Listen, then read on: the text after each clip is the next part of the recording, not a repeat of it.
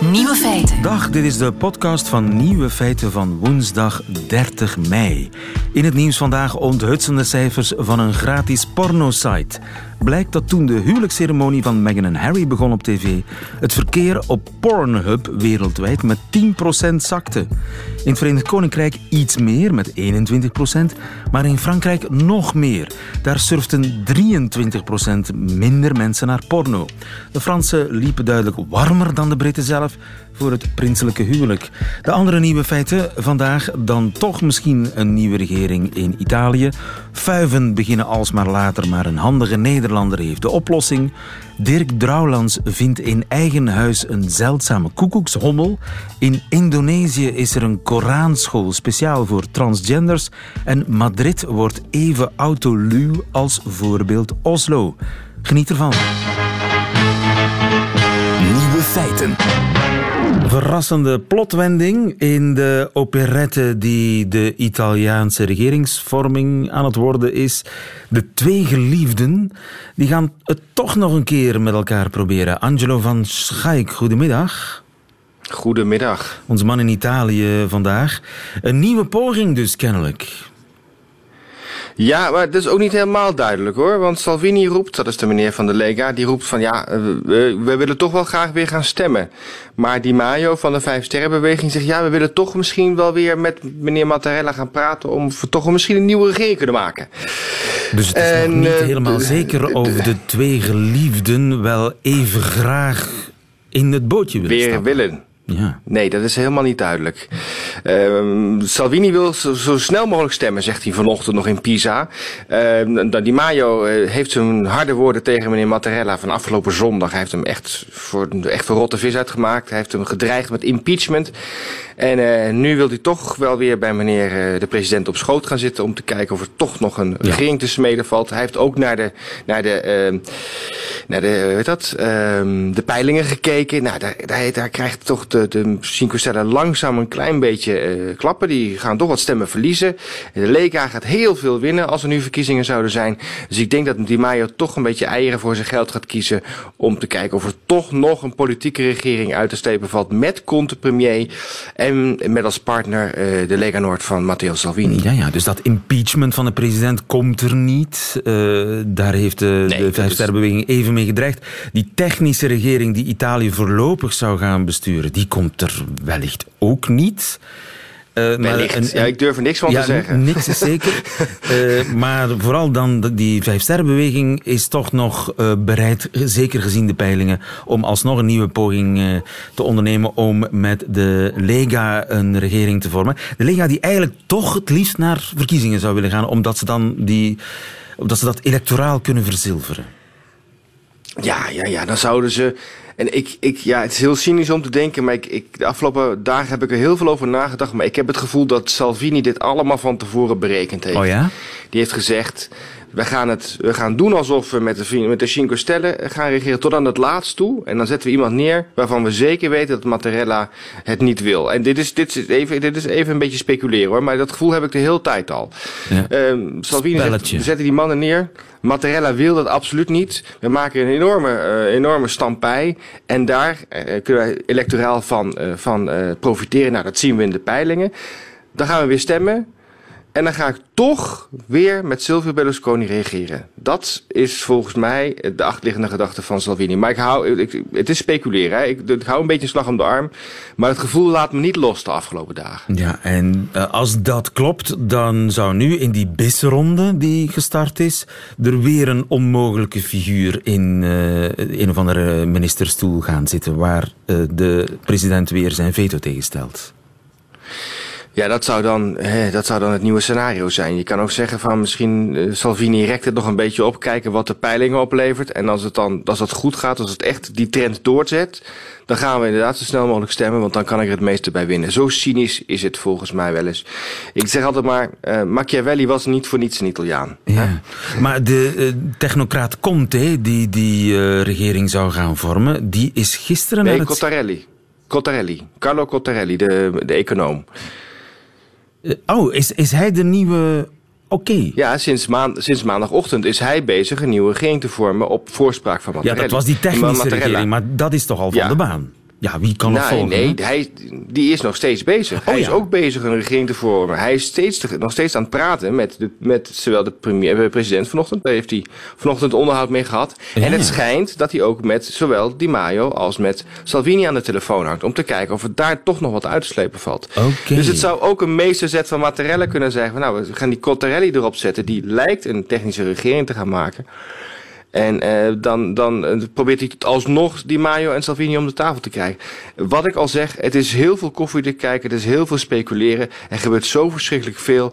Ik garandeer ook niet dat wat ik nu zeg volgend eh, uur nog steeds waar is. Ja, het is een, een, een ja, opera hè, in de beste tradities. Met twee geliefden die bij elkaar komen. Een derde die dat onmogelijk maakt. Maar dan blijkt dat die twee geliefden toch niet zo verliefd zijn op elkaar. Hoe loopt dit af?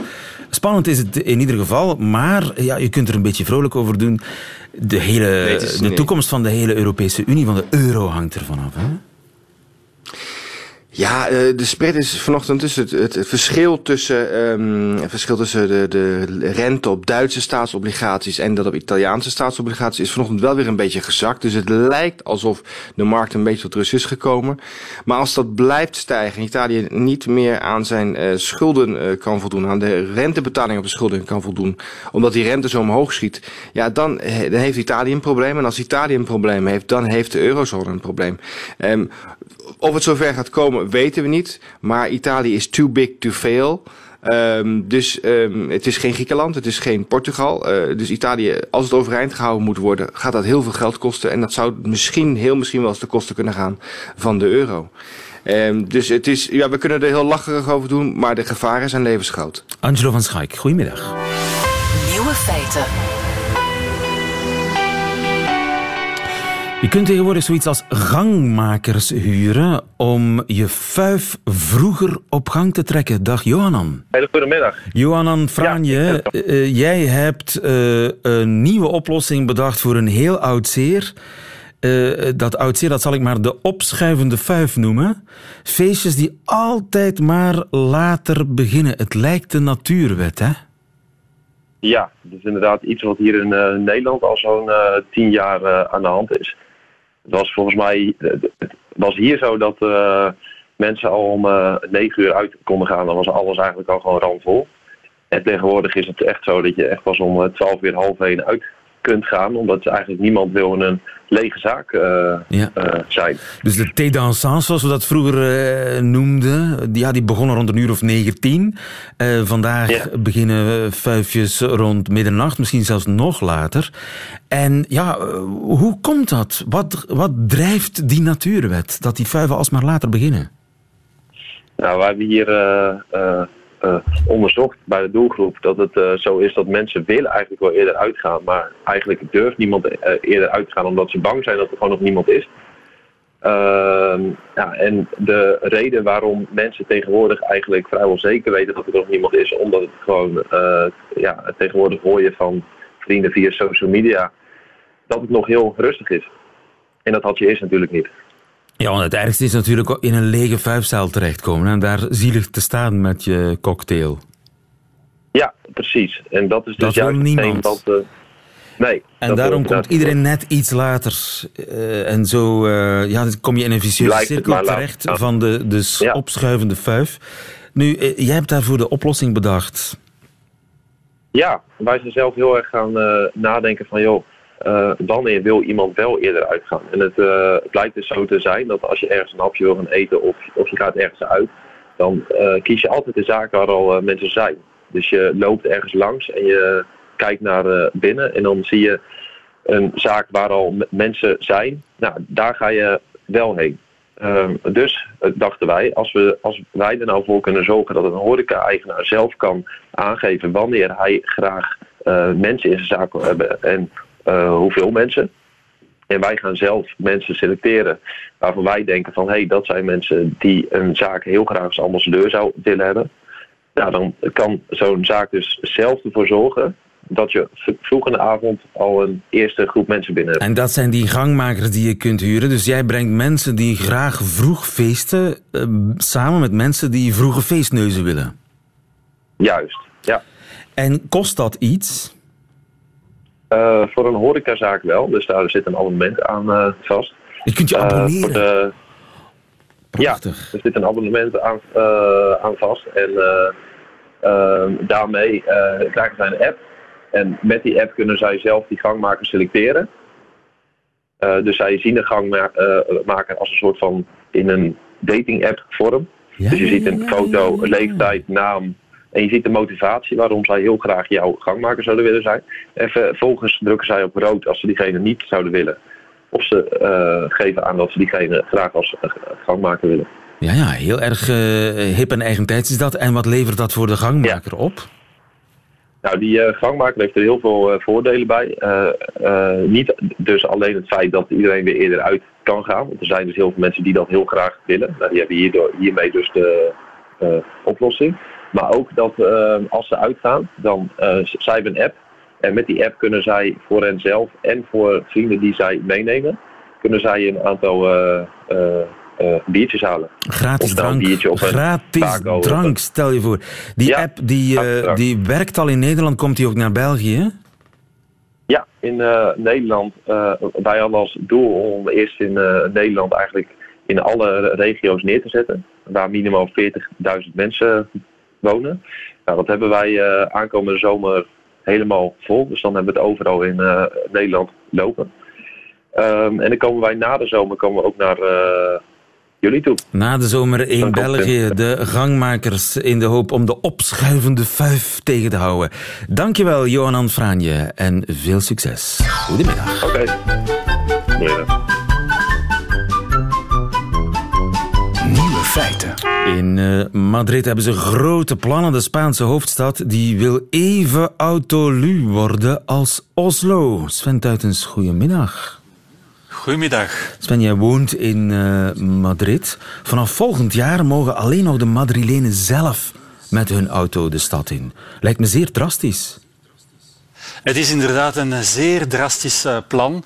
Maar uh, er moet ook iets gedaan worden uh, met Madrid, omdat we al acht jaar op rij zitten we boven het Europese, de Europese normen van luchtvervuiling.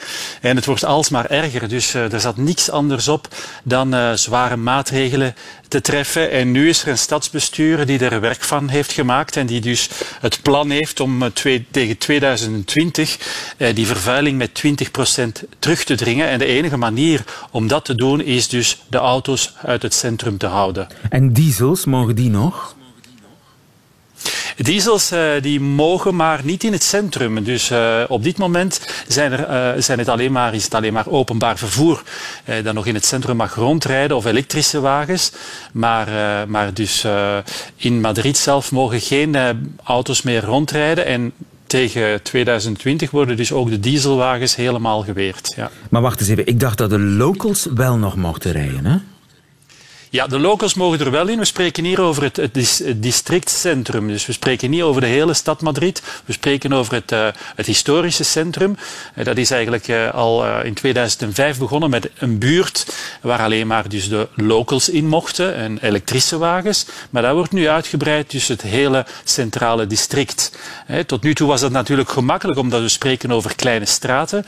Maar wat er dus heel uh, heel breed gaat, is dat er nu ook de centrale as, de Gran Via van Madrid, wordt dus, uh, wordt dus autoluw gemaakt. Dat wil zeggen, de Gran Via is eigenlijk een drievaksbaan in elke richting. Dat wil zeggen dat je eigenlijk één vak hebt voor, uh, voor bussen en taxis, een ander vak voor fietsers, dat wordt dus een heel breed fietspad, en blijft maar één vak over voor doorgaand verkeer. Ja. voor een stad zoals Madrid is dat dus ingrijpend, vooral als je weet dat, dit, dat Madrid de derde grootste stedelijke agglomeraties in Europa na Londen en Parijs. Amai. En dus, maar dat ene vak dat bedoeld is voor auto's, dat zijn eigenlijk locals die daar mogen rijden. Bewoners van dat historische centrum. Nee, dat, zijn, uh, dat is nog altijd doorgaand verkeer. Oh, hè? Dus we spreken, dat is doorgaand verkeer. Hè? Dat, is een, uh, dat is een centrale as die, ook, uh, die door dat centrum gaat. Maar dus wat er naast die centrale as ligt, wordt dus wel compleet verboden voor alle verkeer dat niks met die, met die buurt te maken heeft. En hoe moet dat dan dus met leveringen aan winkels bijvoorbeeld? Wel, die mogen er nog altijd ah, door natuurlijk. Hè. Dus leveringen voor de winkels in het centrum, de kleine vrachtwagens, die mogen nog altijd op bepaalde uren mogen die nog altijd doorrijden. Maar, maar mensen die van buiten de stad komen en willen komen shoppen in dat centrum, dat zal niet meer lukken met de auto. Dat klopt, dat is afgelopen. Die mensen die moeten de auto dus uh, buiten het centrum achterlaten en dus te voet verder of met het openbaar vervoer verder rijden. Ja. ja. Zijn er grote infrastructuurwerken gepland? Moet dat, gaat dat gepaard met een echt een totale make-over van de stad? Ja, zeker en vast. Als je nu eh, Madrid bezoekt, dan zie je dat heel de stad open ligt. Uh, ze zijn dus uh, niet alleen in dat historische centrum, maar in heel de stad zijn dus, dus enorme fietspaden aan het aanleggen. Dus heel brede fietspaden die ook gescheiden liggen van, het, van het vervoer. Dat wil zeggen, er is ook een groene fietsgordel rond Madrid die ze nu aan het aanleggen zijn. Dat is 65 kilometer fietsroute. een investering van 8 miljoen euro. En dan heb je dus ook verschillende Madrileense buurten die verbonden worden met nieuwe fietspaden. Dus dat is uh, indrukwekkend waar ze nu mee bezig zijn. En men zorgt dus ook dat die fietsers in alle veiligheid kunnen rijden. Dat wil zeggen dat uh, sommige grote assen het verkeer eigenlijk teruggebracht wordt tot 30 km per uur. Dus uh, er wordt wel aan fietsers gedacht. Het is niet alleen maar gele lijnen op, op de straat schilderen. Het wordt dus wel heel serieus opgenomen. Ja, ja, de Madrilenen gaan all the way. is dit gedragen door de bevolking? Wel, natuurlijk is er een enorm protest. Uh, mensen die uh, gewoon zijn om al jaren met de auto door Madrid te, te rijden, vinden dat natuurlijk vervelend. Maar wat we wel moeten, wat wel belangrijk is, dat het stadsbestuur dat we nu hebben sinds uh, juni 2015, die zijn verkozen met dit programma. Die hebben dus gezegd, wij willen een leefbare stad en wij gaan dus, als we aan de macht komen, gaan we dus uh, een speciaal plan uitvoeren. En daar zijn ze dus mee bezig. Dus dat stadsbestuur is, is eigenlijk verkozen op die maatregelen. Dus je hebt dus heel veel mensen die voor zijn. En het is eigenlijk een, uh, een stadsbestuur dat uit de Indignado-beweging komt, die eigenlijk voor de eerste keer hebben die zich tijdens de verkiezingen en die zitten nu in het stadsbestuur. Dus je hebt een deel van de Madrilenen die voor zijn. Maar natuurlijk, de hardnekkige autobestuurders die zijn niet blij. Maar het plan is gestemd, het plan komt er. En uh, daar is op dit moment niks anders tegen te doen. Ah ja, het zijn dus niet de groenen, het zijn de indignados. Ja, het is de Indignado-beweging. Het is de beweging die, uh, die dus in alle grote steden heel sterk is opgekomen. We mogen niet vergeten dat uh, steden zoals Madrid, de twee grootste steden, Madrid en Barcelona, op dit moment een Indignado-stadsbestuur hebben. En die hebben dus, het belangrijkste punt dus een leefbare stad maken. En een leefbare stad is het terugdringen van, van auto's en ervoor zorgen dat de luchtkwaliteit verbetert. Ja, eh, Madrid wil even schoon worden als Oslo. Dankjewel in eh, Madrid voor ons. Sven Tuitens, goedemiddag. Nieuwe feiten. Altijd benieuwd. Een Koranschool voor transgenders, dat bestaat. Er is er eentje in de hele wereld. En Marianne Slegers, die heeft haar bezocht. Dag Marianne. Hallo, goedemiddag. Journalist bij Trouw, waar heb je die school gevonden? In uh, Yogyakarta. Dat is eigenlijk uh, een studentenstad op Java, het grootste eiland van uh, Indonesië. Ja. Zit die school goed verborgen of staat het ook echt aangegeven Koranschool voor transgenders? Nee, heel goed verborgen eigenlijk. Um, ik, ik, had al gezocht natuurlijk op Google naar het adres. En um, uh, nou ja, dat, dat, zeg maar, ik had het wel min of meer gevonden, dacht ik. Maar het, het, bleek een hele speurtocht door een, een labyrint uh, van ja, de oude binnenstad van Yogyakarta te zijn. Dus ik heb echt, um, nou, ik denk op vier verschillende plekken wel gevraagd van weten jullie waar, waar die Koranschool is. En eigenlijk wist iedereen wel, uh, die Shinta Ratri, de, de directrice, die kende haar allemaal wel. Want zij komt ook wel uit die buurt echt. En uh, nou, het is gewoon wel een bekende, bekende persoon daar. Uh, dus het is wel gelukt, maar er staat nergens een bordje. En het ja. best wel verscholen tussen alle huisjes. En, en het is zeg maar echt zo'n zo'n zijgangetje van een, van een weg. En, ja, een beetje een nou schuilkerk, zoals vroeger in Amsterdam de katholieke kerken verscholen zaten. Uh, en je hebt daar met die directrice gesproken. Dat is een beetje een bekende figuur. Wat, voor, wat voor iemand is dat? Nou, zij is dus um, geboren en getogen in, uh, in Yogyakarta en ook in, dat, um, ja, in die oude binnenwijk. Um, geboren als een man inderdaad, maar uh, ze kwam eigenlijk al tijdens haar jeugd achter dat ze zich meer een vrouw voelde. Ehm, dus eigenlijk sinds haar achttiende gaat ze echt officieel als vrouw door het leven. En uh, nou, ze, ze kleedt zich ook als vrouw inderdaad. En heeft ook chirurgie gehad, heeft borsten aangemeten gekregen. En, um, of in ieder geval of een hormoonbehandeling, dat weet ik niet helemaal zeker wat het nou was. Maar goed, ze is inderdaad vrouw en nou, heeft een hijab um, om. En ja, ook gewoon heel gelovig. En ja, dat is iemand die met die Koranschool eigenlijk begonnen is nadat er een aardbeving was in, uh, in Yogyakarta in 2006. Dan, toen hadden ze heel veel behoefte aan samen zijn.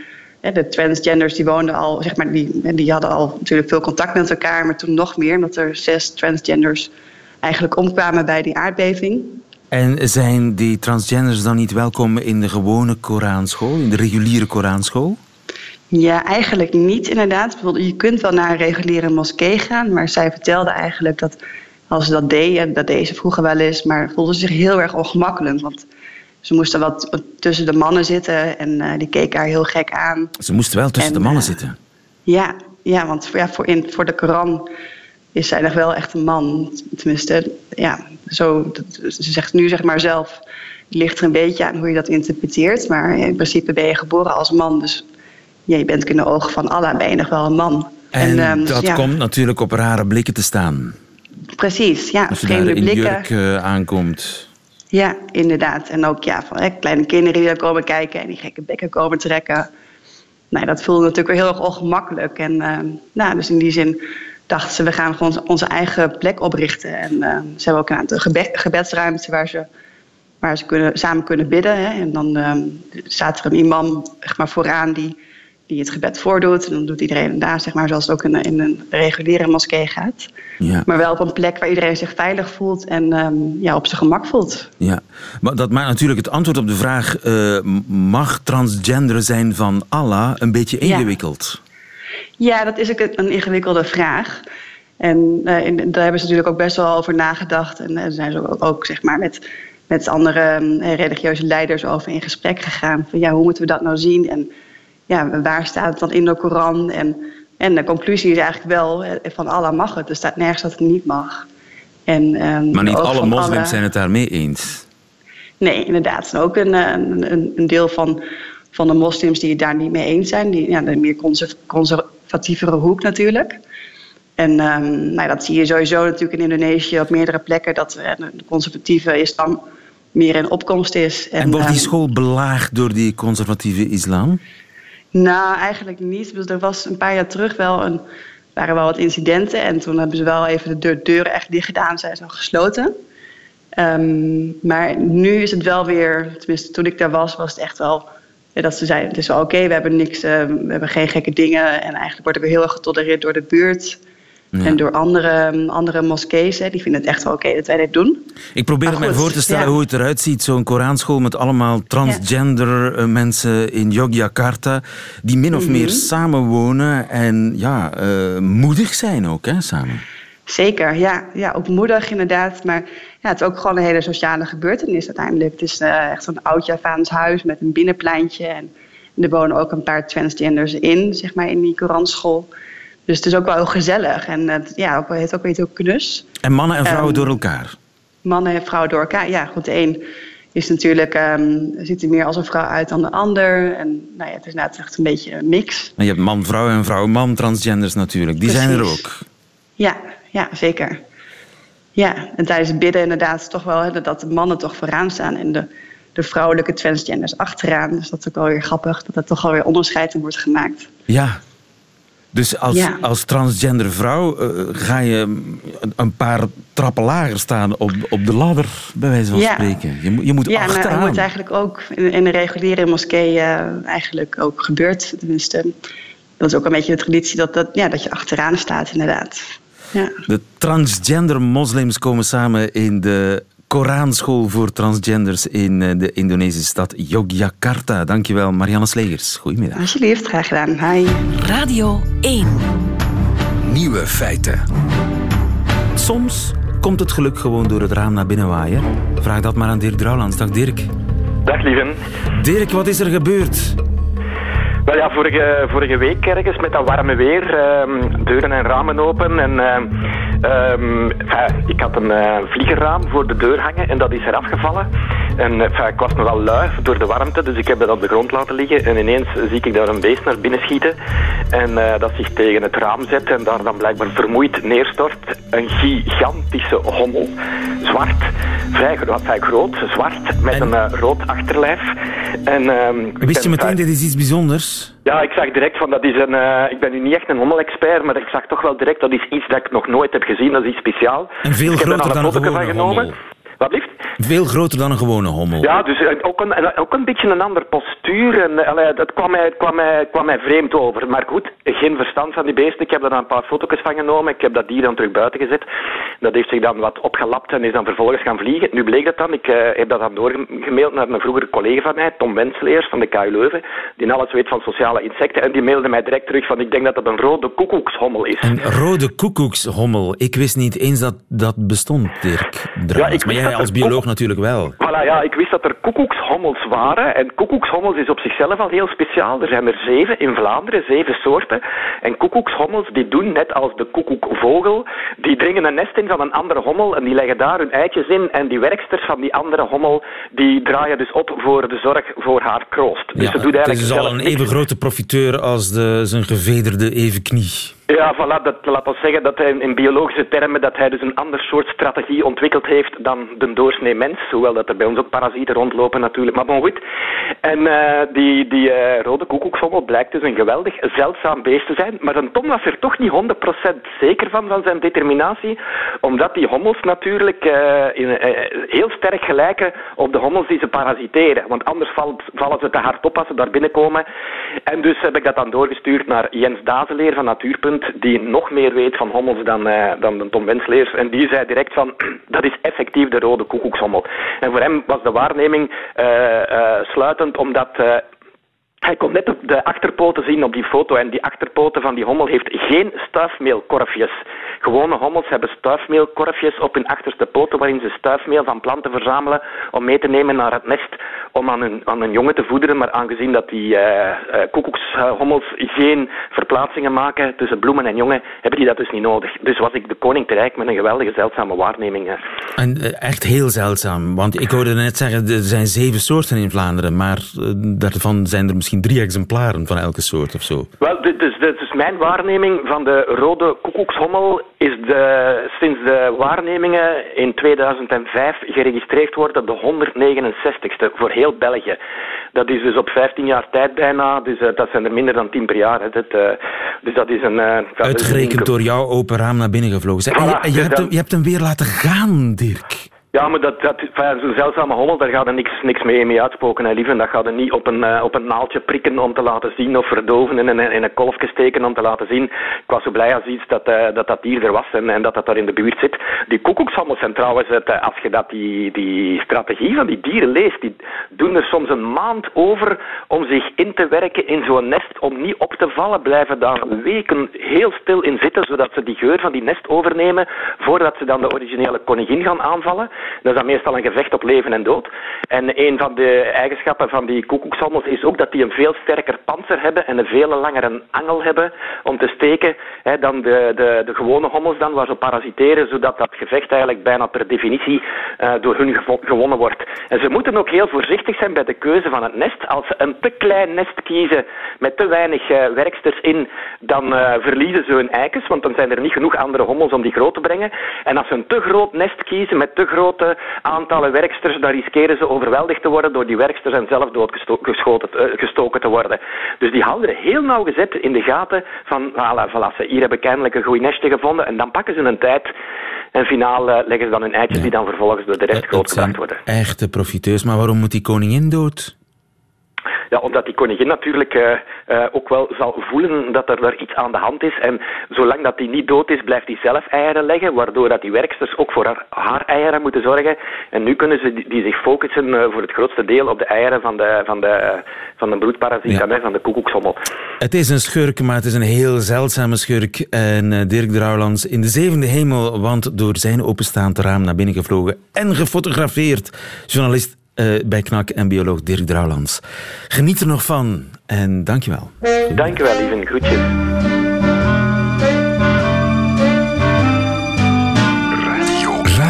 1. Nieuwe feiten. De nieuwe feiten van Linda Duits.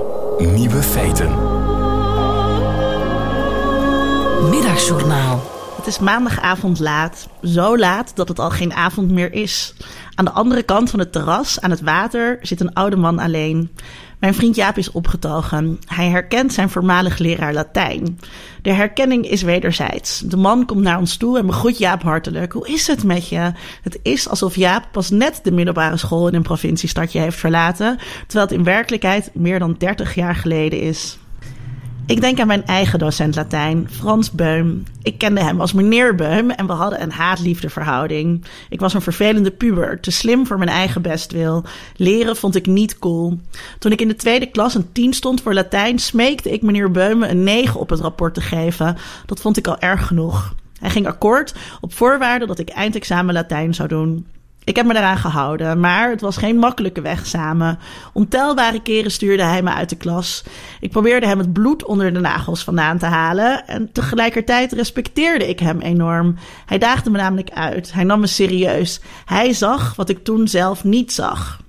Jaren later, toen ik ging promoveren, verheugde ik me erop hem te kunnen uitnodigen voor de verdediging van mijn proefschrift. Ik wilde hem zeggen dat mijn academische carrière mede aan hem te danken was. Ik hoopte dat hij trots zou zijn. Helaas was hij er niet bij. Hij overleed een jaar eerder, in 2007. Meneer Beum heeft me gevormd. Hij leerde me kennis te waarderen. En dankzij hem wilde ik ook docent worden. Afgelopen week werd ik geïnterviewd over mijn gewenste kinderloosheid. De journalist vroeg me of ik het niet jammer vond dat ik mijn genen niet doorgeef. Die genen kunnen me niet zoveel schelen, maar ik geef natuurlijk wel van alles door. Mijn nalatenschap zit in mijn onderwijs. Docent zijn is een prachtig beroep. Ook ik kom soms oud-studenten tegen, soms in de nacht. En soms zeggen ze dan aardige dingen over wat ze van me geleerd hebben. Het zijn kleine cadeautjes die ik hoop nog lang te krijgen.